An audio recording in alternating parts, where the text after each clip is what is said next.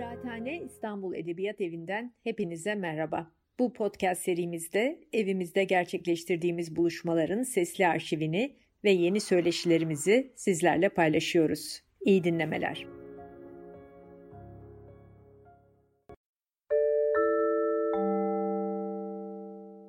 Welcome to Istanbul's Kıraathane Literature House, İstanbul Kıraathane Edebiyat Evi'ne hoş geldiniz. Ben Isabel Finkel, şair ve tercüman Yasmin Siyla ağırlıyoruz bu akşam.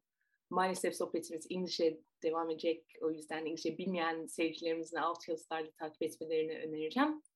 In English now. I'm Isabel Finkel and our guest this evening, I'm delighted to say, is Yasmin Seal. Yasmin is a translator of Arabic poetry, both classical and contemporary, a poet in her own right, and in that capacity, a winner of the Wasafiri New Writing Prize for Poetry. She has also just had a new book of poems published, Agitated Air, it's called, which is a correspondence with Robin Moger through and on the poetry of the philosopher Ibn Arabi. She is Syrian and British by extraction, Parisian and Istanbul by choice. She works across many media and languages, all of which was deemed quite rightly to be excellent qualification for translating the rangy corpus of stories we know as the Thousand and One Nights, or Bin Gece Masalları in Turkish. And as evidence of the great wisdom of this commission, we now have this volume, a 700 page, richly illustrated and annotated edition, recently published by Norton and edited by Paulo Horta. And this book, as hard as it is to lift, is really only a halfway point in Yasmin's years long battle with the nights. An even longer version of these stories, I believe, is on the horizon. So there we have it. Just don't call her the first woman to translate The Thousand and One Nights into English, a title I intend to give her a chance to rail against in just a moment. In any case, um, I hope that serves as a good introduction to Yasmin for those not familiar with her work.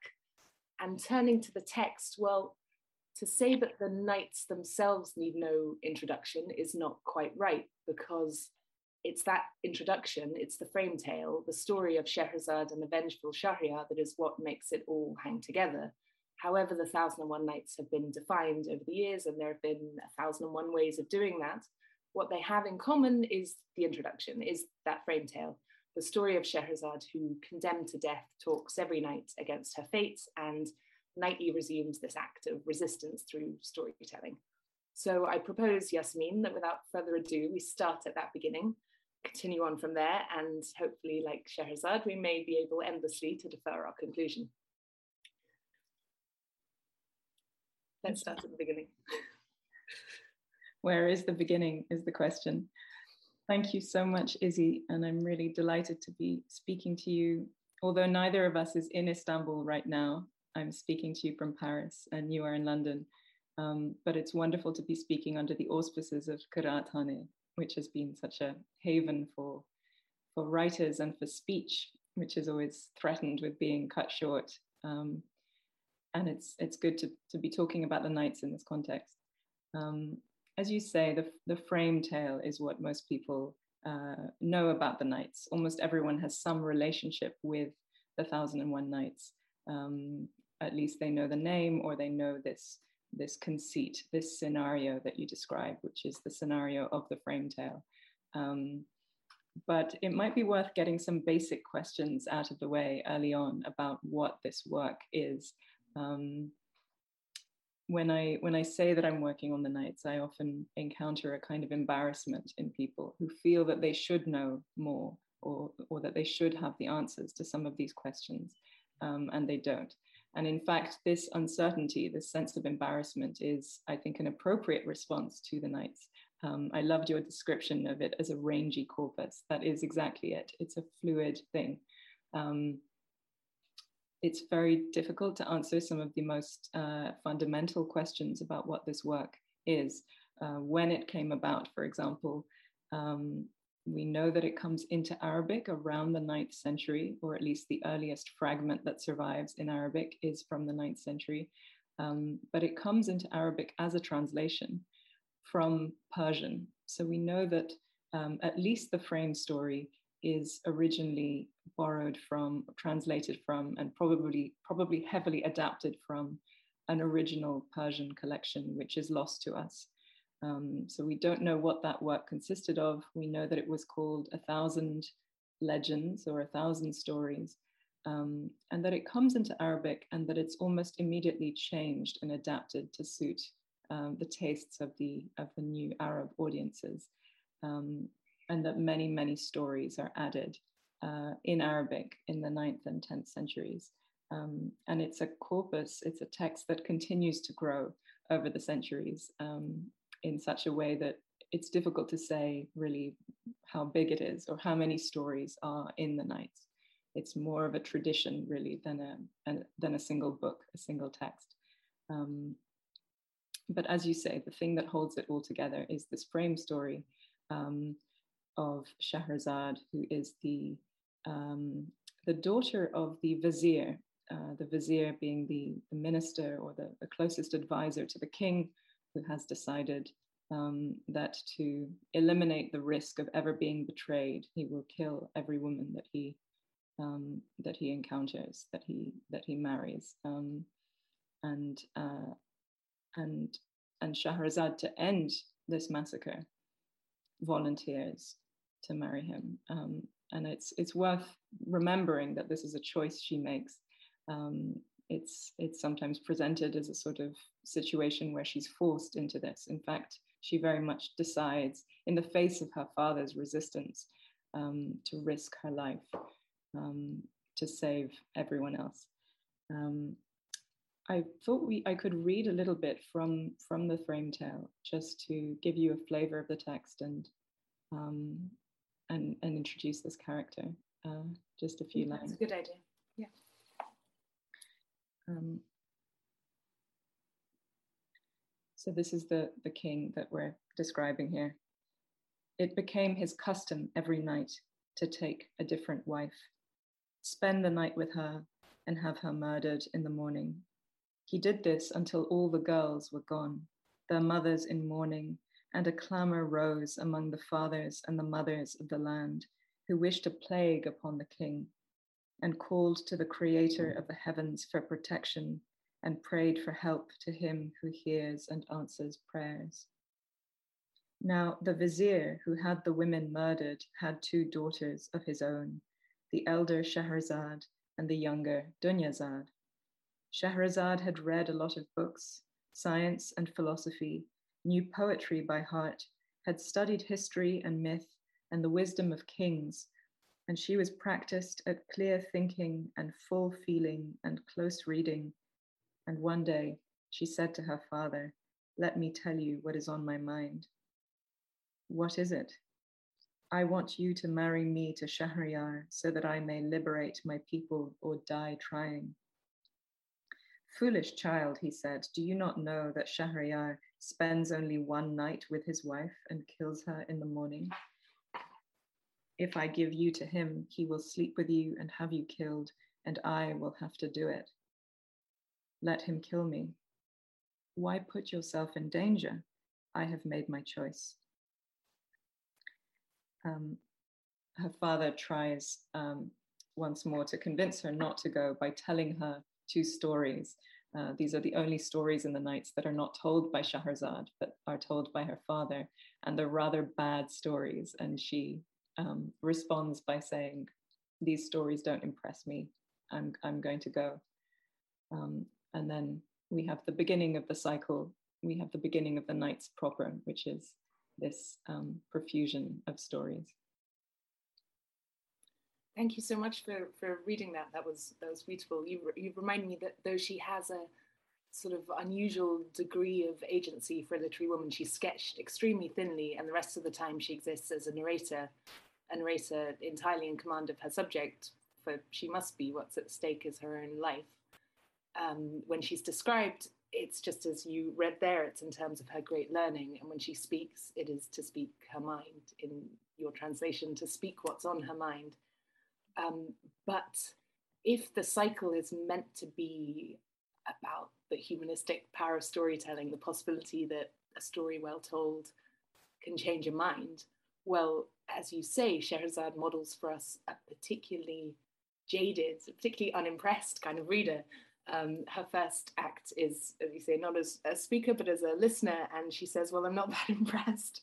Um, you sense that the the um, the book you had to translate could have been much shorter had uh, responded in a similar fashion to any of her tales, but he doesn't. Um, we're left with these cliffhangers, and so it's the frame tale which sort of sort of allows the nights, I think, to function narratively as a kind of as a kind of Turkish dizi. I mean, the work is always complete and yet always open to the possibility of sequel should the audience demand more. Um, could could you read for us the cliffhanger that is this um, recurring item uh, yeah. that sort of pieces together the stories of the nights? It is the first dizi. It's the model for all future dizis in the sense that it's um, a structure that is endlessly um, uh, expandable um, and has meant that new stories could be added this collection to infinity. Um, so each night ends with the same formula, um, and the stories always break off at the moment of greatest expectation. It is the, the classic cliffhanger structure. Um, but morning gained on Shahrazad and cut her speaking short. The strangest story, said her sister, if I live another night, she said, I shall tell you stranger. The king decided he would spare her till the story's end and kill her the next day. When night fell, her sister said, If you are not asleep, tell us a tale to break the waking night. And Shahrazad agreed. So her sister Dunyazad is a crucial element in this in this scenario, prompting the, the stories out of her um, and modeling a kind of perfect listener um, and in some ways showing the king what it is to to listen.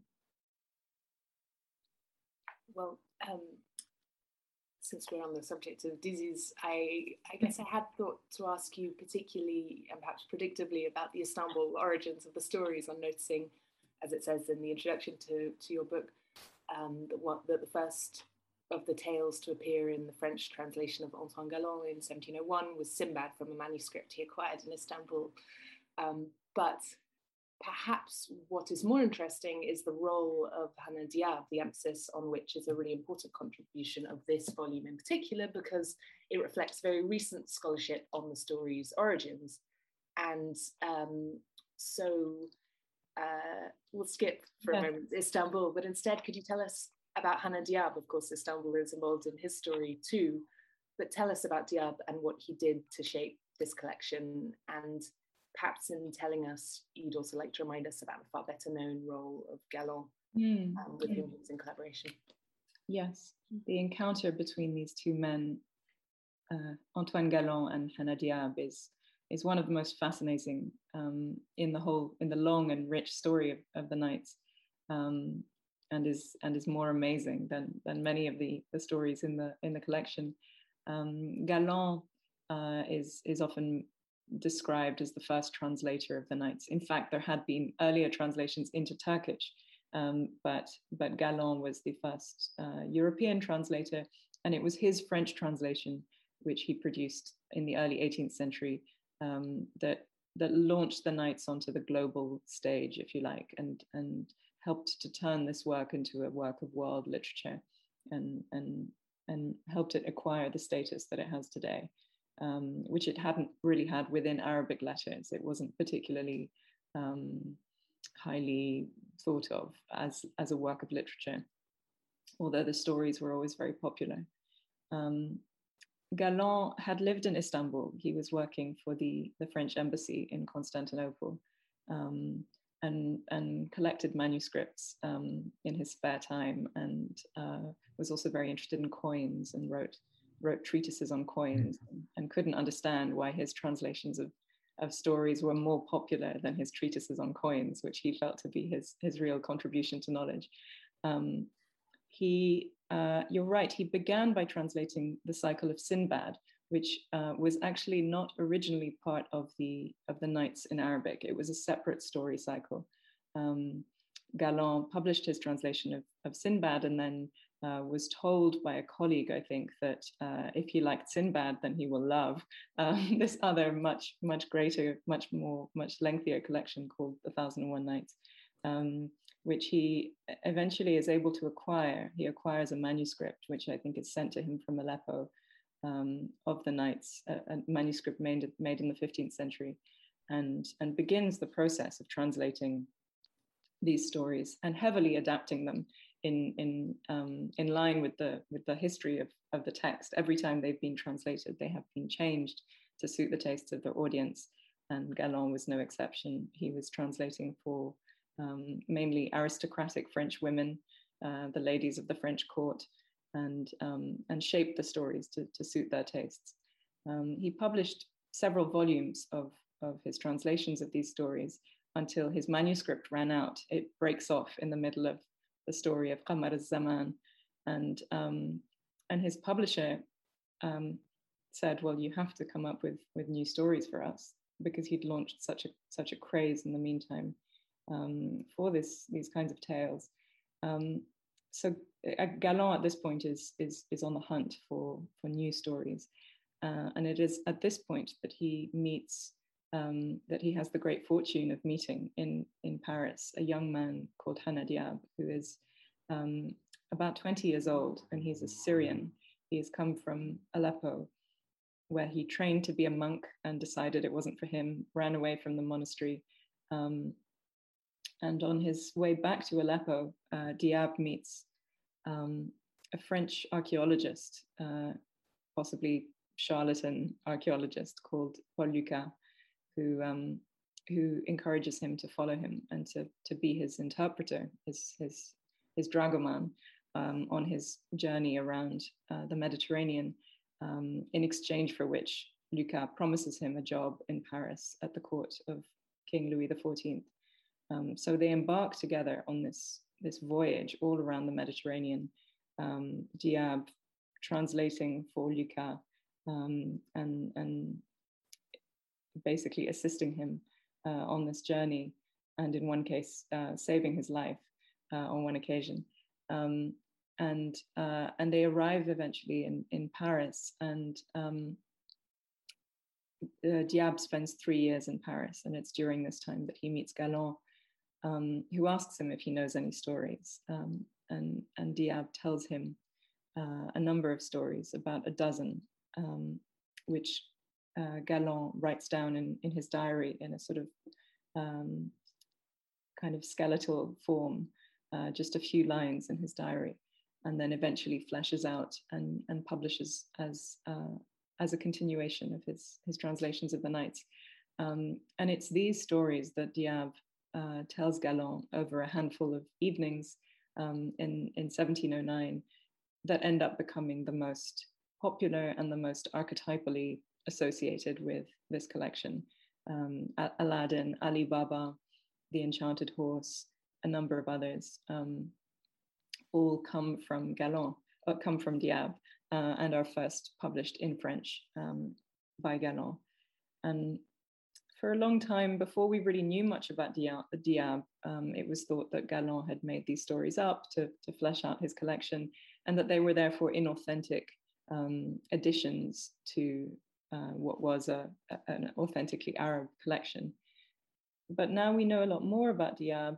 Um, a really remarkable thing that happened recently is that uh, a memoir of Diab's was discovered in the Vatican Library um, in the 1990s um, and uh, and was published in in French and and only last year was published in in English as the Book of Travels, and it's a, a truly remarkable um, text.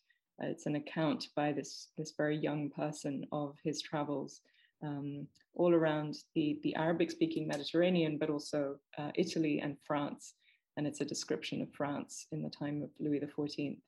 Um, and he barely mentions Galland in this memoir. Uh, he just he calls him the old man. He doesn't mention him. He doesn't name him, uh, and simply says, "Well, I told him some stories that I knew." Um, and Diab probably died unaware of the effect that that his that these stories had had, and of the contribution that he'd made to world literature. Galland never acknowledged Diab, never uh, credited him with these stories, um, and we only know his name because of uh, Galland's diaries. Um, so it's this this encounter that I find so fascinating, and and the thought of these stories, uh, Aladdin, for example, as a a kind of Franco-Arab collaboration uh, the result of the mutual fascination of these two men. Um, who was a um, so so sort of fascinated by Arabic literature, but but Diab also, who was very familiar with French culture and French literature, and was no doubt shaping the story to suit the tastes of, of his own listener. Thank you so much. Um, that's that's fascinating, and you remind me. I mean, of course, that, that you say Paul Lucas's uh, Lucas' life suggests storytelling and and saving of lives don't only go together in the character of Scheherazade, and there are there are more parallels still um, in that uh, Hannah Diab's memoir is, is also a work of memory, is it not? It's it's um, he's a young man when he visits France, but he writes this many many years later. Um, I remember from the introduction that you you wrote to that book. Um, so thank you for, for telling us about Diab. I um, am interested in more of your predecessors, as I'm sure listener, the other listeners are too. Um, people listening from Istanbul or from Turkey will know of Reshat Ekrem Koçu's unfortunate death halfway through G, um, you know, which leaves his great work of vernacular history, Istanbul Encyclopedia, the Istanbul Encyclopedia, unfinished. And there's a similar story attached to a translator of the Nights. I remember you saying um, Edward Lane was also the compiler of the Arabic English Dictionary, and he died halfway through Kaf, I think. I hope he could pronounce it better than I did, and it wasn't the shame that killed him.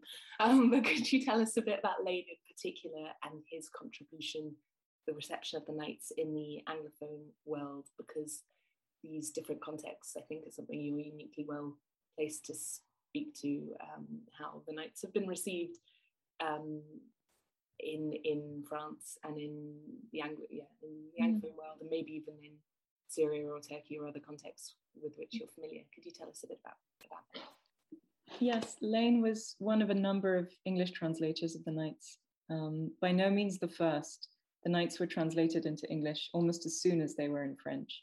Uh, because of the success of Galland's translation, they were um, translated almost immediately into almost every other language um, including beyond Europe. I mean, we find translations into Japanese and um, really kind of all over the world uh, within a few years of, of uh, Galland first publishing his translations in the early 18th century. Um, and they come into English originally as anonymous, cheap uh, chapbooks. They were called the Grub Street editions. Um, and, uh, and they also, interestingly, took on all these different forms in, in English and in England. They were put on stage very quickly. Um, there was this sense that they were perhaps better suited to the stage than to the printed page. Um, and they, um, the stories kind of took on new life through all these different, uh, different mediums. Um, but the, the, the, the, translations that are uh, better known now are the 19th century ones, uh, particularly uh, Edward Lane's translation that you mentioned. Uh, Lane was um, the son of a priest who um, was keen to avoid a career in the church for himself and, and ran away to Egypt and became um, completely immersed in the study of Arabic um, from quite a young age um, and compiled a, a, great lexicon, a great dictionary, um, historical dictionary um, as you mentioned, and, and was also um, very interested in Egyptian society, wrote a, an enormous work, uh, which is a kind of uh, anthropological, proto-anthropological kind of study of Egyptian customs, um, and also translated the Nights. And his his Nights has a sort of anthropological flavor. It's quite an odd text because it reads he reads the Nights as if it were a description of of real Arab society rather than a work of fantasy. Um, so he he adds many notes to his translate his translation, relating aspects of the text to what he has observed of Egyptian society, um, uh, and also removing a great deal from the stories. He removes all of the erotic content um, because he's translating for Victorian families. He um, simply erases anything he considers to be uh, in bad taste. uh, or, or, shocking to his his audience. Um, so it's it's quite a, a curious uh, document, um, and there are other very famous English translations, um, particularly Richard Burton's, uh, which is one that is is still read today and that's still kind of widely available, which is um, eccentric and, and, and misrepresentative in another way. It's, uh, it's almost the opposite, where Lane removes and redacts, Burton fills the, the text with his own obsessions, uh, also adds many notes, um, adds erotic material that is not in the original, and, um, and also uh, racist details. Um, the frame, the frame tale uh, includes a description of a, of a love scene between the wife, the king's wife, and the cook. Um, and Burton adds a kind of racist description, which isn't in the original. Um, so it's a it's also a kind of um, very sort of problematic uh, text, Burton's, as as as well as Lane's in a, in a different way. Um, and these are the translations that were very widely available until um, until the late 20th century, that, that were in fact the ones that people grew up with and, and read. Um, and more recently, there have been a, a couple of um, of more more straightforward translations uh, produced by academics, um, which have helped to kind of give a, a, slightly more accurate account of of these stories. Um, Thank you. Um, I feel like I'm going on and on. no, not at all.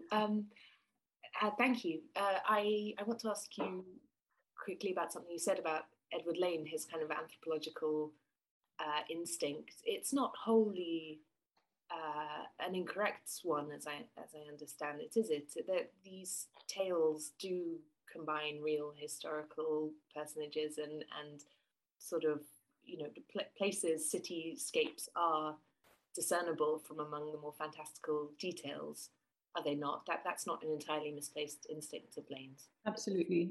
Yeah, you're you're completely right to say that, and I think it's one of the things that makes the text so fascinating is that it is this collage of um, of real life, and and it's a, it's a work that gives us a glimpse into uh, material life uh, as well as being full of, of fantasy. And in fact, these these glimpses of material life are have been very useful in um, in dating the text or in trying to uh, retrieve a kind of archaeology of, of this text, um, which has evolved so much in the course of its life.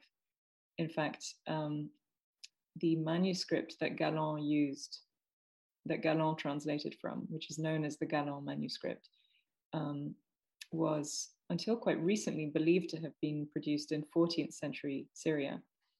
And uh, and it was recently shown that, in fact, this text mentions um, a coin that was minted in 1420 and that wasn't widely circulated until the 1450s.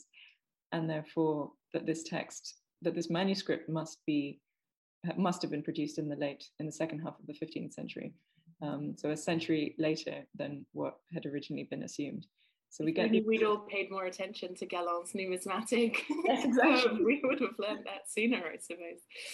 Um, sorry, sorry to interrupt you. I'm just, I'm just thinking now. You've, you've granted Edward Lane um, the point that maybe it's a good time to talk about your more um, adversarial engagement with his text, if, um, if I can call it that. The, the um, Anton Galland's journey through the nights begins with a manuscript bought in Istanbul, but the city where you used to live was also the setting for one slightly unusual strand of your engagement with the Nights, was it not? The Erasure poems, which began with a book of Edward Lane's. Um, can you describe to listeners what you found in that Istanbul cafe and what you did with it?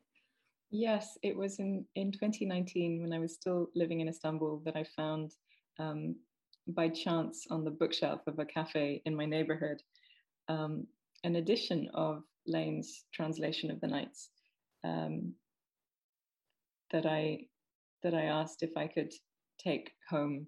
Um, and I had no great plans for this book. I didn't I didn't set out to destroy it at first, um, but I I began to to read it um, at night during a period where I wasn't sleeping very well and was sort of reading it in in, in half light and, and found that words from the page were floating up at me and, and forming new new constellations.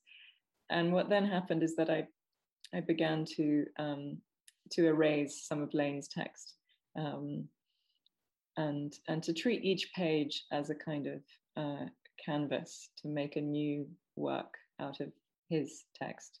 Um, and partly this was a response to Lane's own uh, his own his own erasures, if you like, his own uh, manipulation of the text. I thought I would manipulate him back. Um, and I suppose it also comes out of my um, adversarial relationship with the work as a whole, um, with the Nights as a whole, which um, I should say also, maybe I should have said this to begin with, that it's not a, a project I chose. It's something I was I was commissioned to do, and I had no great relationship of love or expertise with with the Nights before I was asked to translate them. Um, and I continue to feel um, ambivalent about about the work and its contents and what it represents, um, especially in the, the European imagination and the fact that it has loomed so large um, to the to the detriment, I think, of, of every other work of Arabic literature. Um, and um, and I have also a lot of ambivalence about my predecessors and um, the people who have uh, contributed to, to giving the Nights this the status that it has. Um, so this this project that you mentioned, this visual project, which um, I hope you'll be able to see some some images from um, uh, when you when you watch this conversation. Um, it began as a way of, uh, I suppose, playfully uh, reading and working against Lane um, but also I suppose it's a kind of double gesture of both uh, both critique and also of, of, homage to to this person who um, who wrestled with the text before me. Thank you. I'd like us to get into the texture of your translation, if we can, and the sorts of choices that you've made. Um, the street scene in the opening pages of Delilah the Crafty struck me as a particularly dynamic and entertaining example of your work. Um, and I know you put a lot of thought into the final word of the story's title. Could you tell us a bit about that? Maybe maybe it would be best to start with the reading and we can talk mm. about um, yeah the, the, the, words on the page. We can get to craftiness in a second. Yes, this is um, this is a, a rather late addition to the the corpus of Arabic stories. Um, many of the what we call the core group of Arabic stories were added in the 9th and 10th centuries. Um, this is a, a, slightly later edition. It's a Mamluk era story, um, and it's uh, not often included in editions of the Nights. Um, but it's uh, it's one of it's one of several stories featuring um, crafty or resourceful women. Um, the women in the Nights are often fighters, uh, though they are treated worse than men. They often behave better than men, or at least come out on top in some way. Um, and this this character Delilah and her daughter Zainab are um, are a famous duo in in medieval literature. They appear in other works um, of the same period. They appear in, in romances and epics at the time.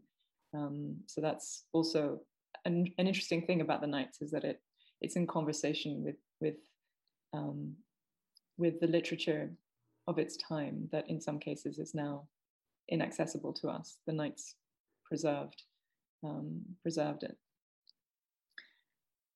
This is how it begins. They say, my happy king, that there lived in the time of Harun al-Rashid a man named Ahmed the Plague and another called Calamity Hassan, masters of guile and ruse with rare deeds to their name, so rare that the caliph rewarded them with robes of honor and made them watchmen of the city, Ahmed of the right side and Hassan of the left. To each he appointed a salary of a thousand dinars a month and 40 men to do their bidding, and to Ahmad was also entrusted the watch of the land outside the walls. So it was that Ahmad and Hassan, attended by the chief of police, went out into the city, each trailed by 40 men on horseback and led by the crier who cried, By order of the caliph, there is no watchman in Baghdad but Ahmad the plague on the right side and Calamity Hassan on the left. They are to be heard and obeyed. Now, there was in the city an old woman called Delilah the crafty, who had a daughter called Zainab the sly. When they heard the crier's call, Zainab said to her mother, Look at that man, Ahmad the plague. He came here as a fugitive from Cairo and bamboozled all Baghdad until he won the caliph's confidence. Now there he is, watchman of the right side, while that scrag of a man, Calamity Hassan, is watchman of the left. A table is spread for them noon and night, and each gets a thousand dinars a month, while we sit in this house unsung, with nothing to our name and no respect. Delilah's husband, see, had been watchman of Baghdad with a monthly wage of a thousand dinars, but he died leaving two daughters, one married with a son named Ahmed the foundling, and the other, Zainab, unmarried. Delilah was a master of ruses and rackets. She could lure a snake from its lair, and the devil himself might have learned his tricks from her. Her father had been keeper of the caliph's carrier pigeons. For a thousand dinars a month, he trained the birds to carry notes and letters, and each was dearer to the caliph than one of his own sons. Now Zainab said, Go, mother, play some trick that will make our name in Baghdad and win us back our father's wage. Delilah said, I swear on your life, my girl, to make more mischief in Baghdad than ever made by Ahmad the Plague or Calamity Hassan. Then she rose and threw a veil over her face and wrapped herself in clothes such as poor Sufis wear, a robe that reached her ankles and a gown of white wool with a broad belt. She took a pitcher, filled it to the neck with water, and placed three dinars in the mouth, which she stopped with a tuft of palm fibers. Then she slung around her neck a string of beads heavy as a load of firewood, and taking in her hand a flag of red and yellow rags, she went out crying, Allah, Allah, and her tongue sang God's praises while her heart ran wild in the circus of vices. I think I'll stop there. It's a good place to stop. heart ran wild in the circus of vices. that actually um, might be, uh, uh, if we could just sort of pause on that line, actually, that's it's an example of uh, a, a, style in the Nights, which I was very interested in. Um, Arabic literature of this period uh, is um, we find poetry and we find prose, and we also find this in between register called saja, which is a kind of rhythmic prose or rhymed prose, which is found throughout classical Arabic writing um, and even into the modern period. And it's it's um, it's wonderful because it's a way of introducing musicality and and rhythm into a line of prose um, at particular moments, either moments of description when when something beautiful is being described, uh, the text moves into a, a, this different kind of register to describe beauty. Um, it also uh, can occur at moments of emotional climax, um, and sometimes here at moments of of humor or irony. Um, it feels like there's there's a sort of mock epic register um, here to, to describe this this disparity between um, Delilah's presentation and and her secret motives. Um, and uh, and translating saja was one of the things I was I was keen to do um, because it's an aspect of the text that's often left out by translators because there is no direct English equivalent. Um, though of course there are all kinds of ways in English of introducing rhythm and, and assonance and and and musicality in a line without actually breaking into verse. Um, so I was I was interested in using the the, the particular devices and, and habits of English to try and create some of the same effects. Thank you. Um, I mean, you the, the the there could be many many ways to respond to what you've said. Right? Hopefully, I got this out in editing. But um, what you've just said reminds me of the reaction by the elder Coleridge to his son, to Samuel Taylor Coleridge's obsession with the nights. Doesn't his father burn his book because his son is so infatuated? Well, um, her heart ran wild in the circus of vices sounds to me like a good description of what the uh, Victorians feared the, that reading the Nights would would do to the reader. Um, it sounds like the the Nights acting on on one in um, all of all of the scariest ways.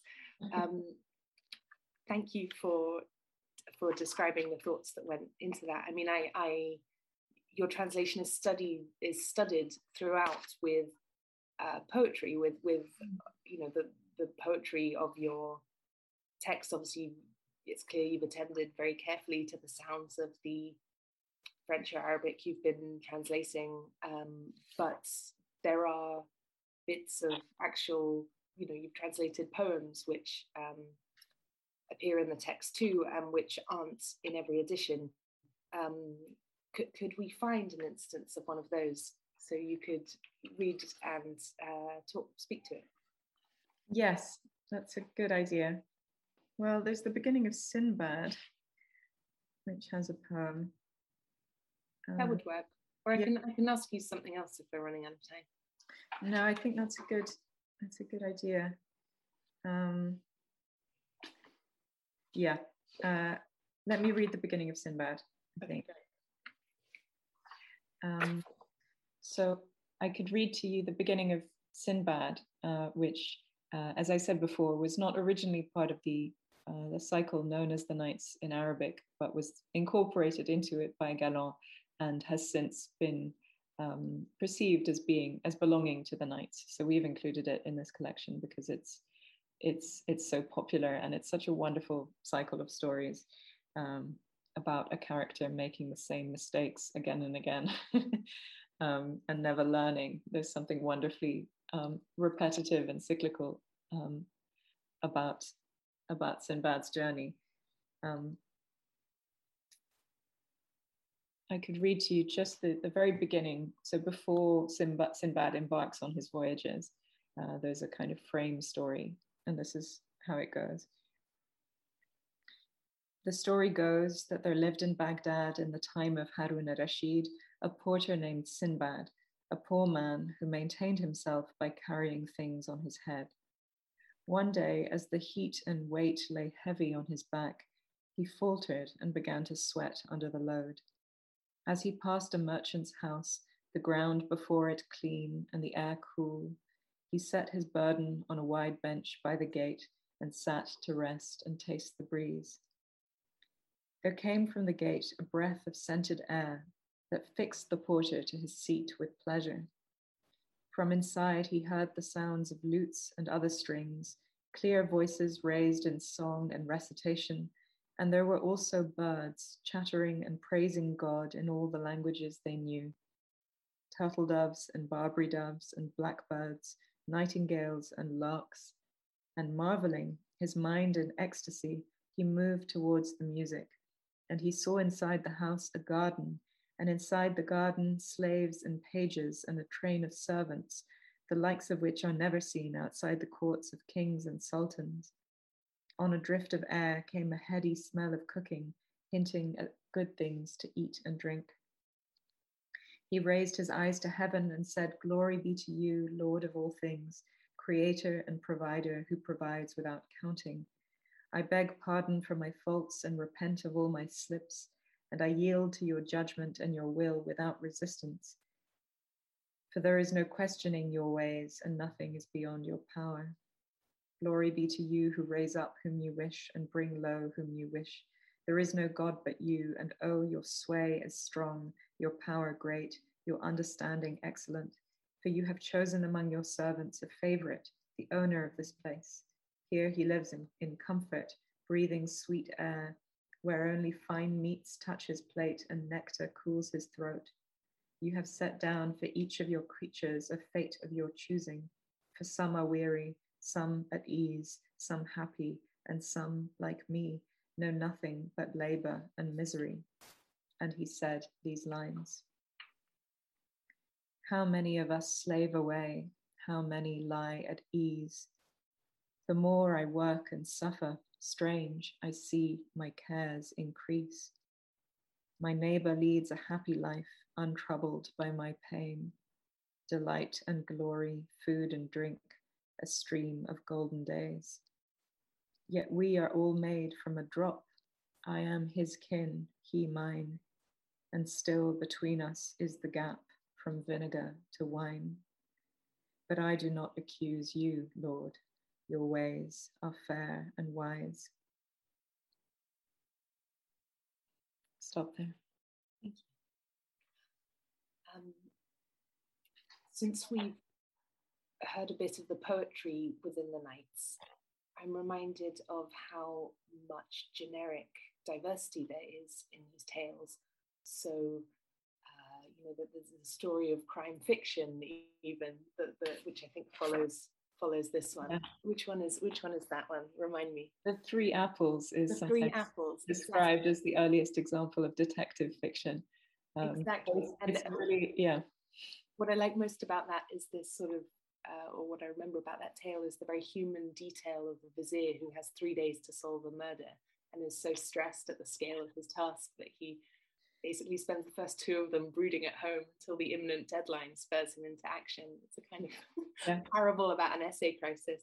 Yeah. Um, but um, uh, what was I going to say? Um, uh, let me ask you instead, since I'm conscious that we're running out of time, um, about the details which repeat um, these sort of motifs that uh, tumble across different mm. uh, stories in different ways. So, you know, it really comes across when they're all assembled like this is how these sort of interlocking tales within tales within tales, these tales that are chasing their tails, how you know someone who's the subject of one story turns out to be the narrator of another and there's a fish at some point that jumps mm-hmm. out of a frying pan and into the moral of a fresh story. And even the elements of the frame tale as i remember get repeated. The narrator is not the only character who trades a story to save her life that bargain's repeated again and again throughout the tales um, so one keeps noticing these things how sesame is a sort of bawdy euphemism in one story it's a word with the power to open a locked door in another and then it becomes prosaically a foodstuff mm. um, Rayhan or Basil appears again and again. Um, I guess I'm interested in the themes and motifs that stood out for you over the course of the mm-hmm. project. So are there any particular instances of these iterations and transmutations that appeal to you and that you'd like to tell us about? Because mm. I know it's the sort of thing you pay very close attention to. Mm.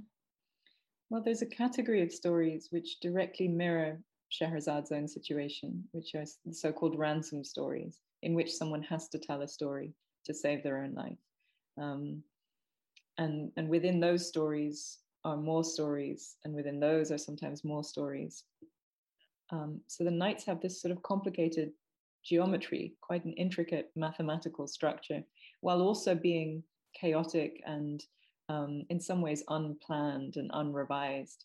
Um, one also gets the sense of a kind of uh, a mathematical structure running beneath it all. There's a lot of doubling and tripling um, and, and arabesques and all these sort of patterns that, that emerge. Um, but what you say also makes me think that there's something dreamlike about these motifs that repeat and jump across stories. Um, these are stories that are of the night in the sense that they are um, told at night and they take the place of, of dreams.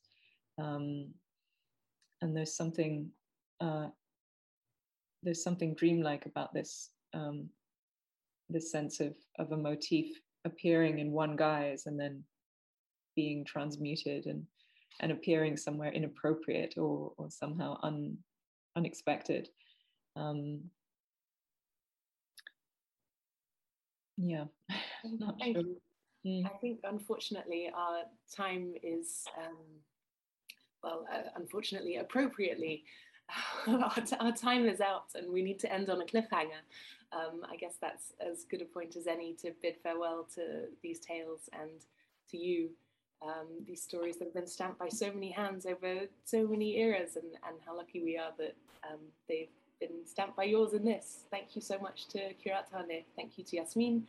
Um, yeah, particular thanks to Kiratane for hosting us, and um, thank you. Goodbye. Thank you so much, Izzy. It's a pleasure talking to you.